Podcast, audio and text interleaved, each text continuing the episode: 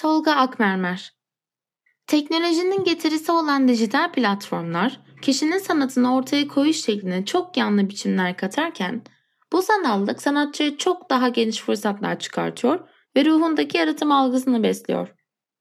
Günümüzün dijitalleşen sanat dünyasında fotoğrafları baştan yaratan Tolga Akmermer, ülkemizde bu işi emekle ortaya koyan değerli sanatçılarımızdandır.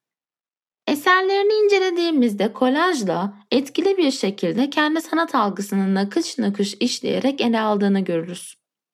Bu noktada kolaja dair ufak bir bilgi aktarımı yapmış olalım.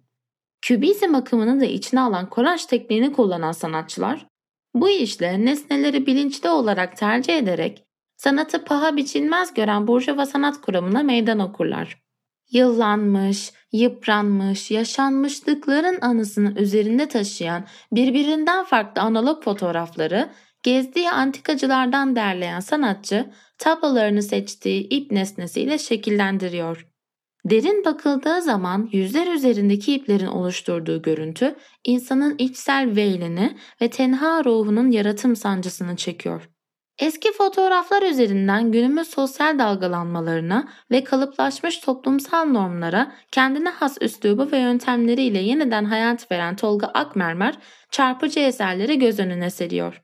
İşte sanatçının Sezer için seçtiğimiz birkaç eseri ve tablolarını tezahür ediş biçimleri. Gökkuşağı İnsan aslında milletsiz, ırksız, renksiz, ideolojisiz ve saf doğar. Aynı zamanda bütün renkleri barındırır. Toplum insanı büyüdükçe şekillendirir.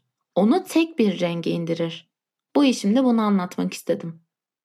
Meyve Çocuk birey olarak ilk daralmasını ve sıkışmasını ailesinde yaşar. Anne ve babalar çocukları önce bir birey değil ikisinin ortak ürünü bir meyvesi olarak davranır. Çocuk daha baştan toplum ile karşılaşmadan birey olma yolunda sıkışıp kalır. Sanatın başına buyruk bir tavrı var bence hayata karşı beden arayan bir ruh gibi sürekli geziyor aramızda.